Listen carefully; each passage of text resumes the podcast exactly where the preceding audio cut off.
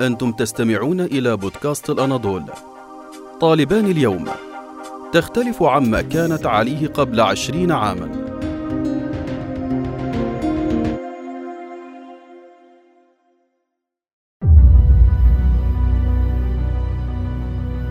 عشرون عاما كانت كفيلة بتغيير أفكار ورؤية الحركة. احتكت خلالها طالبان بالعالم.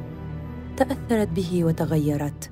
إذا جاء نصر الله والفتح ورأيت الناس.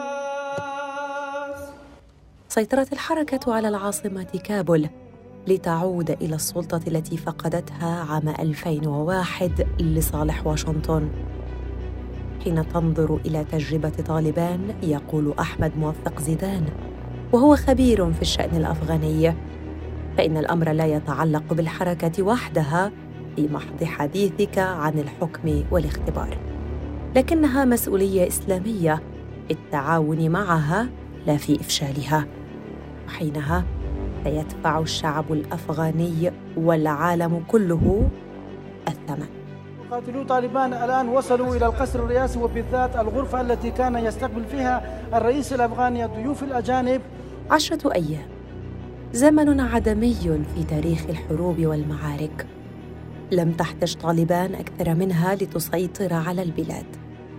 هنا أدركت واشنطن أن مليارات الدولارات التي أنفقتها وحلف شمال الأطلسي لبناء قوات الأمن الأفغانية لم تكن لتمنع الحركة من الصعود ومن العودة إلى حيث كانت.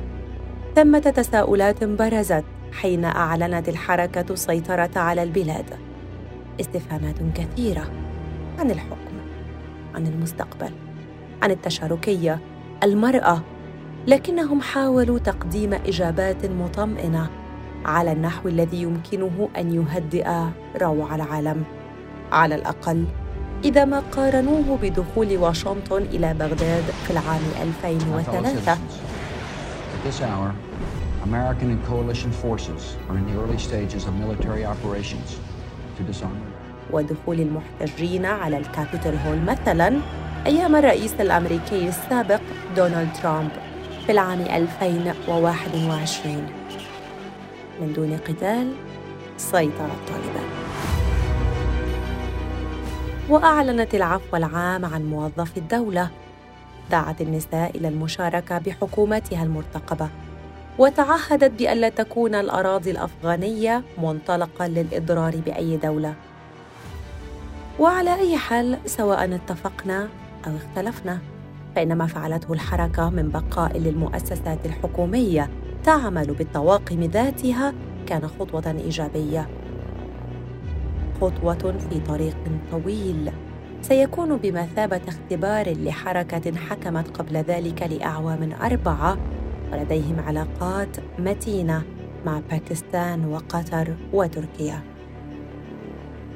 كان للصحافة الغربية رؤيتها. نظرت إلى الأمر على أنه انتصار حقيقي لطالبان. نيويورك تايمز مثلا قالت إنه نهاية العصر الأمريكي.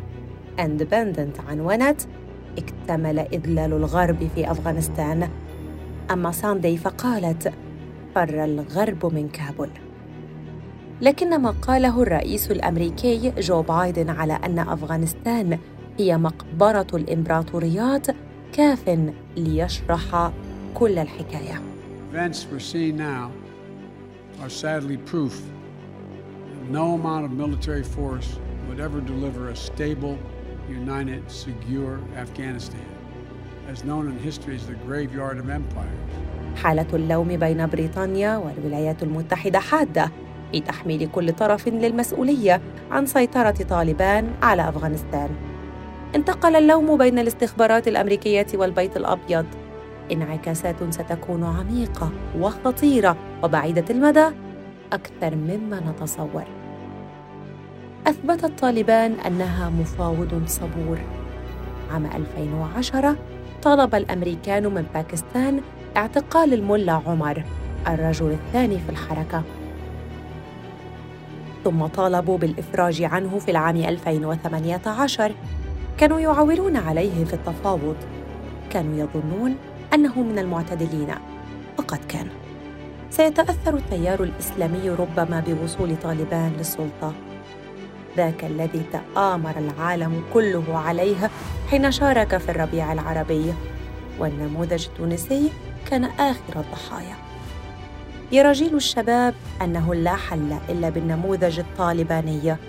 ولذلك على العالم أن يتعامل مع إفرازات الحرب الأفغانية على الساحة العربية سريعا وأن يتفهم أشواق الشعوب وأن الاحتلال داخليا وخارجيا إلى زوال سواء طال أو قصر.